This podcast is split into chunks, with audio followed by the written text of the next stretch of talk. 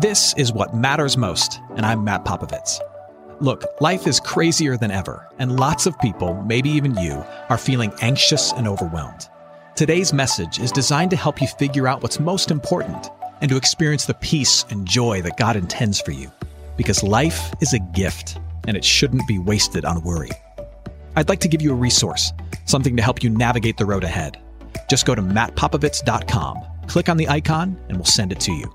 That's Matt, P-O-P-O-V-I-T-S dot com.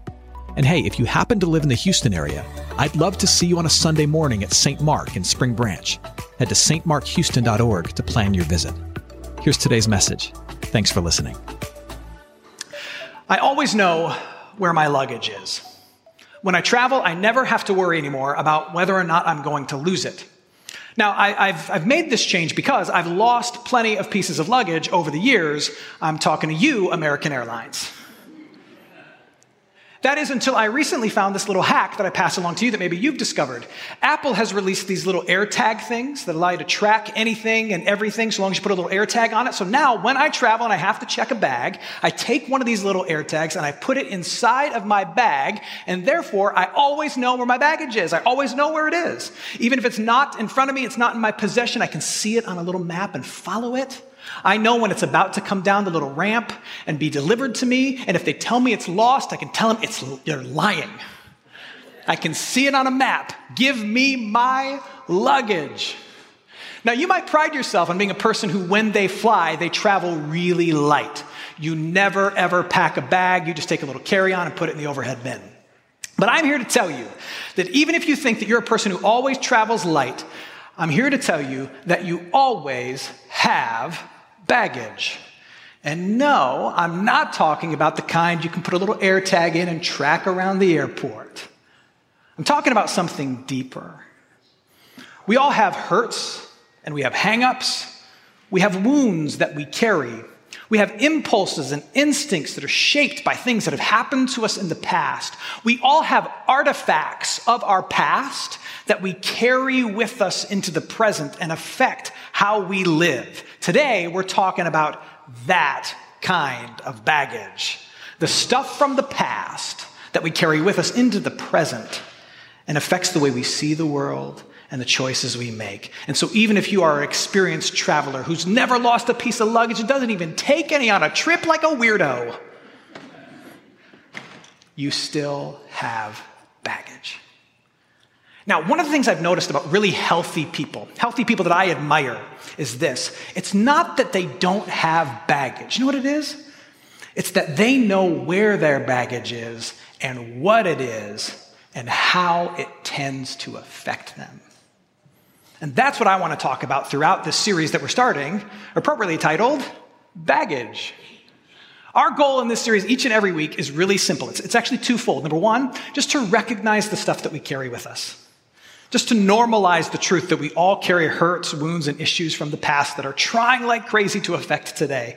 And then number two, understand those things in light of who Jesus is and what he's accomplished for us and what he promises for us.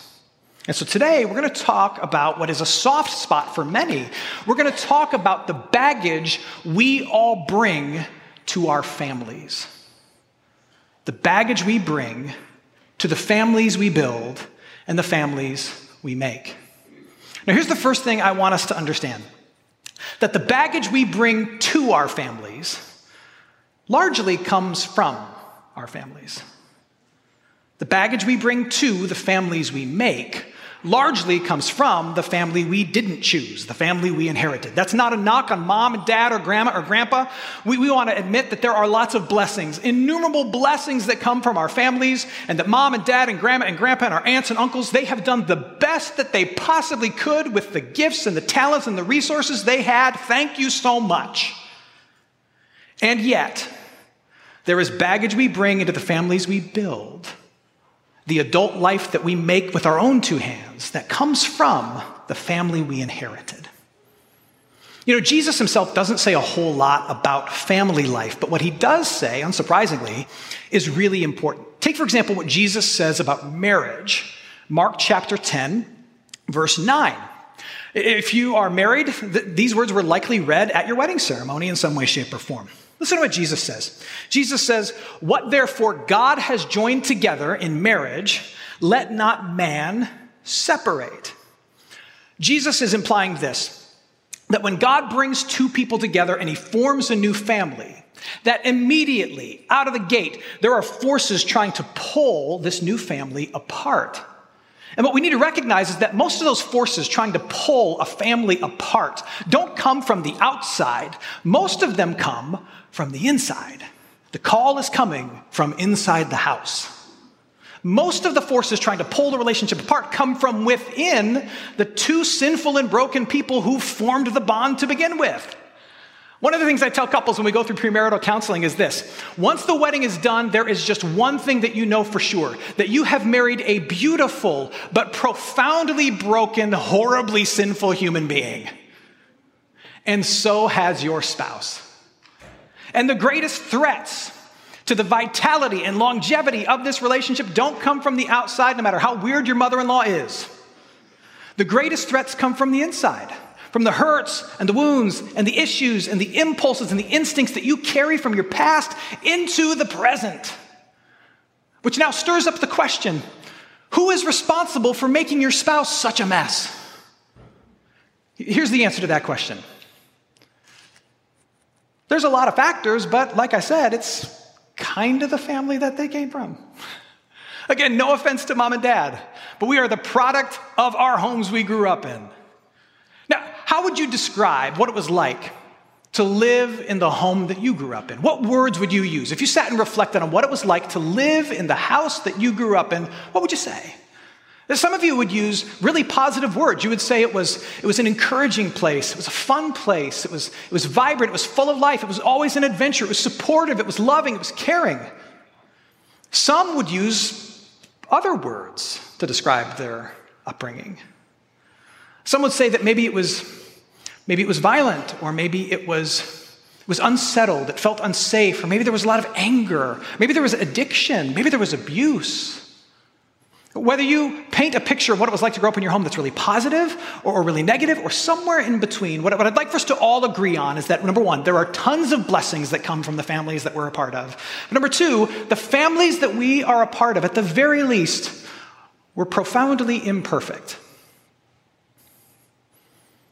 And we are molded and we are shaped by that imperfection. And we carry that as the only blueprint we have, the only thing we know into the families that we build. We just do. The next thing I want you to realize is this that given the baggage that we have, that we bring into the families that we build, we respond to it typically in one of two ways. We either repeat it or we rebel against it. We either do the same things in our home that we build that were done to us and with us, or we purposely define the lives that we build in opposition to what we experienced. Right now, I'm doing a lot of reading and studying in the Old Testament. And so, for example, just, just a couple days ago, I was reading through the first couple chapters of First Chronicles, which, if you've read the first two, three chapters of First Chronicles, it is all genealogy. It's just a long list, chapter after chapter, of this person begat this person, begat this person, begat this person. It's a section of the Old Testament that most people skip over. But if you actually read it and, and, you study a little bit, you can learn a lot, not just about the history of the family of faith, but you can learn a lot about human beings in particular.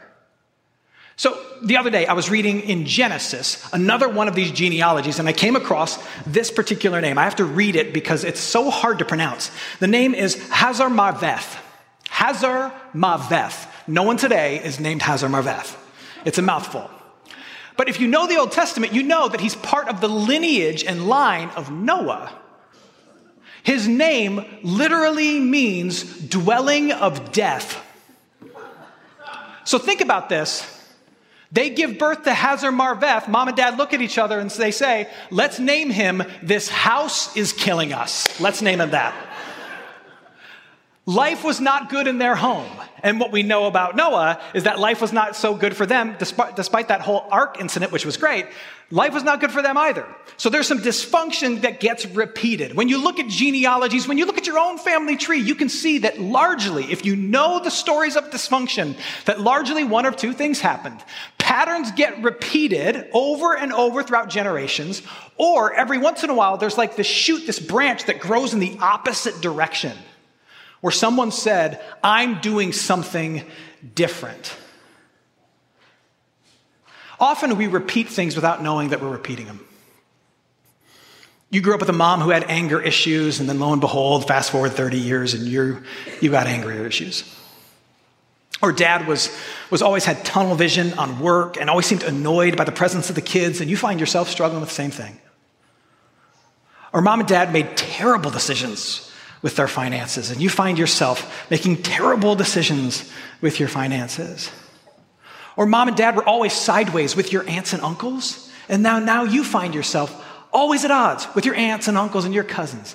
You, you, you, see, we easily repeat these things, and often you don't realize it until the marriage is struggling, or the kids don't call, or some other relationship has gone south, and you realize, you know what, this feels very familiar to me. Or you do the opposite. You start to build your adult life, and you know for a fact what I had growing up is not what I want to have today. And so your whole life becomes about building the opposite of what you experienced. You rebel against that experience. So you might make a vow as a child that says, I- am tired of living in a chaotic place where there's never any money and we live hand to mouth. And so, so I'm going to make sure that I never, ever, ever have to go without, even if it means working like crazy and forsaking relationships. Or you might see that your mom was stuck in an abusive relationship, which is horrible. But then you make a vow to yourself and you say, I will never, ever let any man, good, bad, or otherwise, have any control or any influence over me whatsoever. Now, now, the problem with defining your life based on what you don't want to be is that we tend as human beings to overcompensate. And so, in an effort to avoid one ditch, we end up driving into the other ditch. Hey, friends, it's Matt. If you enjoy what matters most, I invite you to give a one time gift or to become a regular, recurring supporter of our ministry. It's your gifts that put and keep this show on the air and make it possible for us to do even more. To partner with us, just head to mattpopovits.com. That's M A T T P O P O V I T S.com and choose to give. And as a thank you, we'll send you a copy of my first book, Tough Call, as a gift. Help us keep sharing what matters most with as many as possible. Head to mattpopovits.com and choose Give. So, can you see any of this? If, you, if you're able to take a good, honest look at your family and your, your history and your lineage, can you see any of this? Can you see any repeated patterns? I know this is tough to do. Or can you see a tendency in you or others to just go in the opposite direction and rebel? I think if you take an honest look, you'll see a little bit of that in your family. You'll see a little bit of that in yourself. Which one do you lean toward? Repeating or rebelling? Now, this, this is actually where the promises of Jesus and the good news of who Jesus is comes into play. Because the promise of Jesus is this for those of us who have family baggage, the promise of Jesus is that though you have baggage, your baggage doesn't have you. Another way to say that is Jesus Christ has set you free. He has set you free from the bondage of your baggage. He has set you free from it. It doesn't have to own you. It doesn't have to drive you. It doesn't have to be the thing that shapes your instincts and your impulses in your relationships today.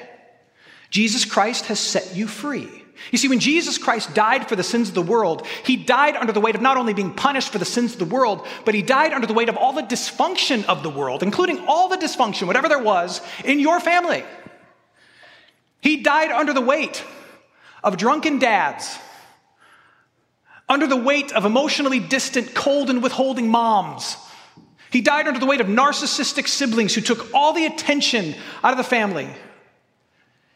He died under the weight of the trauma of being evicted from your home at the age of eight. He died under the weight of, of having to change school after school after school after school and feeling like because of your parents' choices, you never had a place and you never had people and you never felt safe and you never felt at home. He died under the weight of all of that garbage, all of that stuff. But then, three days later, he rose from the dead and he proved that he is stronger than all the baggage that you've experienced and you bring into your life today as an adult. He's stronger than all of it. He defeated it. And then at some point in your life, this man who defeated all the dysfunction of this world, he claimed you.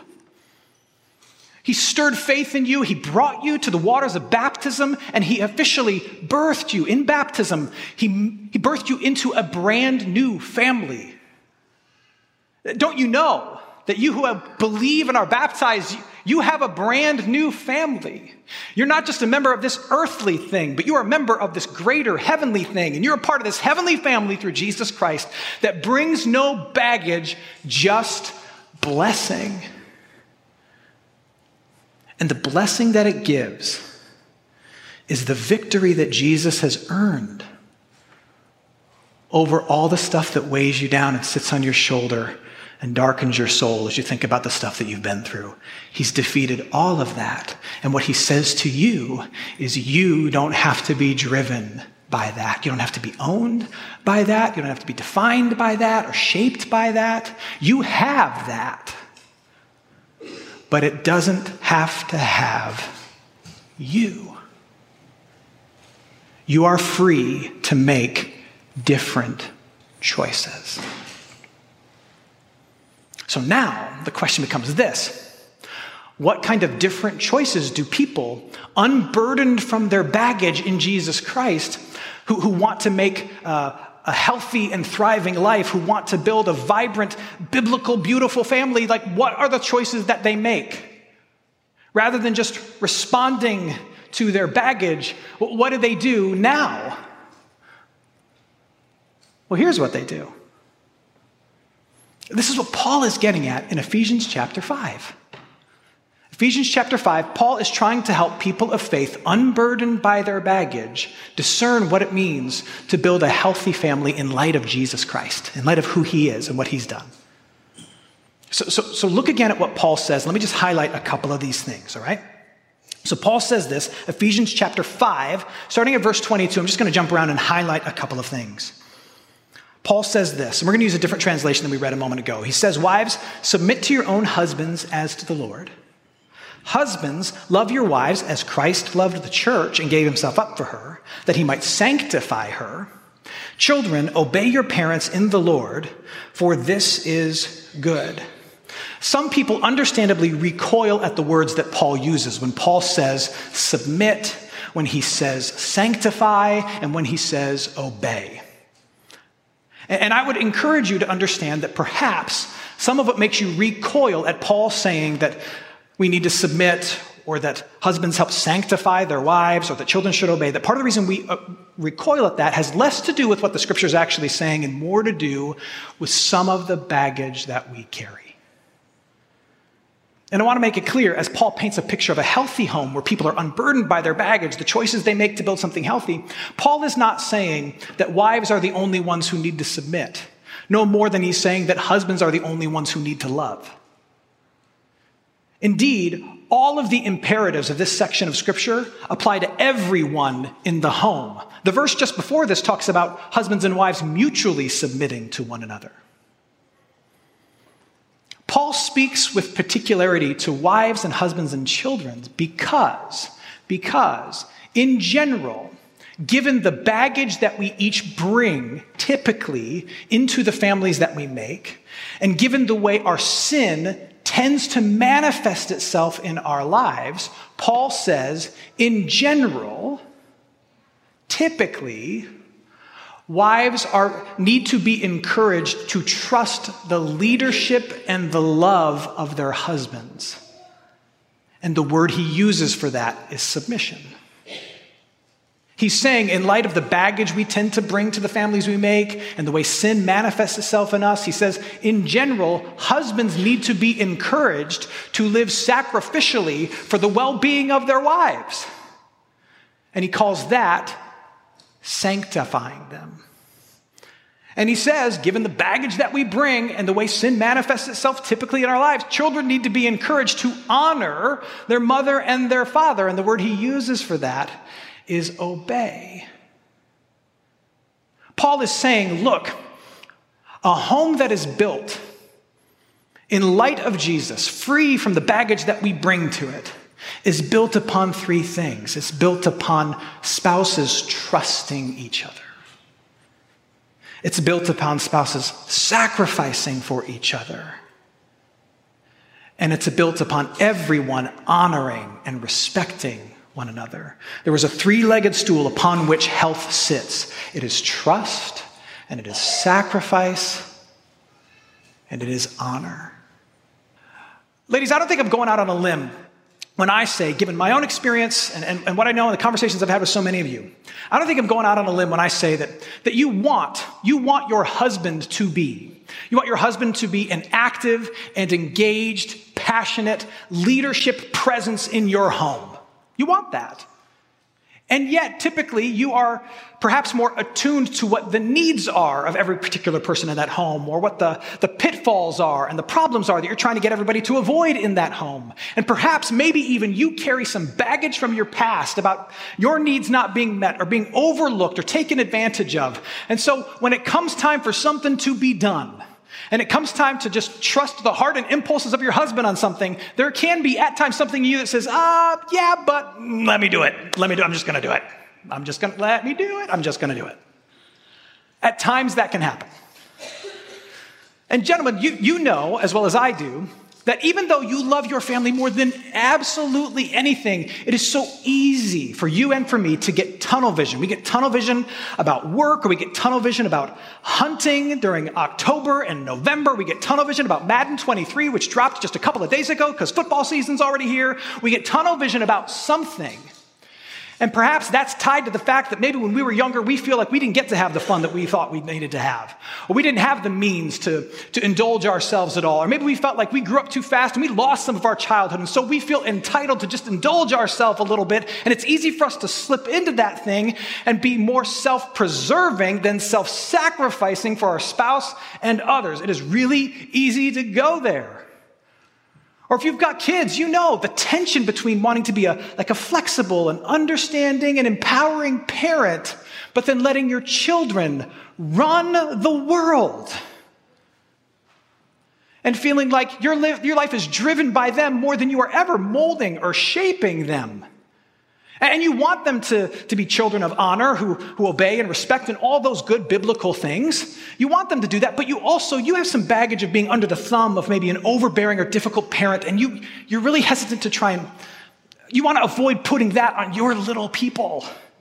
And so you feel stuck and this is hard. So instantly we see as we as we get this picture, this ideal, we know how hard this is given our own baggage. It's really really hard. But again, I come back to the promise of Jesus. Jesus has freed you from the burden of that baggage. You have it, but it doesn't have you. You are free to make a different choice. And take note of the fact that in Ephesians 5, every command that Paul gives about submit to this or sacrifice for that or obey this he adds a little addendum onto it. He says, in the Lord, or like Christ, or as you would the Lord. And the reason he says that is because he's trying to help you remember that all of this is not happening merely in the context of the home you grew up in and the baggage you bring. He's saying, remember, you're part of a new family. Remember that you're free in Christ to break the mold, to make a different choice. You are free because of Christ to build your adult life, among other things, around healthy things like trust, deep trust in the heart of the person that you're sharing this life with, and sacrifice, self giving sacrifice for the betterment of this person that you're connected to, and honor, obedience, and respect you're free to build your life on these things. Hey, it's Matt. I hope you enjoyed what matters most. Here's what I need you to know life is a gift, and it shouldn't be wasted on worry. I want to help you figure out what's most important and to experience the peace and joy that God intends for you. So for more content, you can head to mattpopovits.com. That's Matt, P O P O V I T S.com. There you can also support this ministry as well as access your free resource, a little something to help you navigate the road ahead. I'd also love to see you on a Sunday morning. If you're in the Houston area, head to stmarkhouston.org to plan your visit. In the meantime, hit me up on Instagram at mpopovits or at facebook.com slash Ministries. Thanks for listening. Now go and hold tight to what matters most.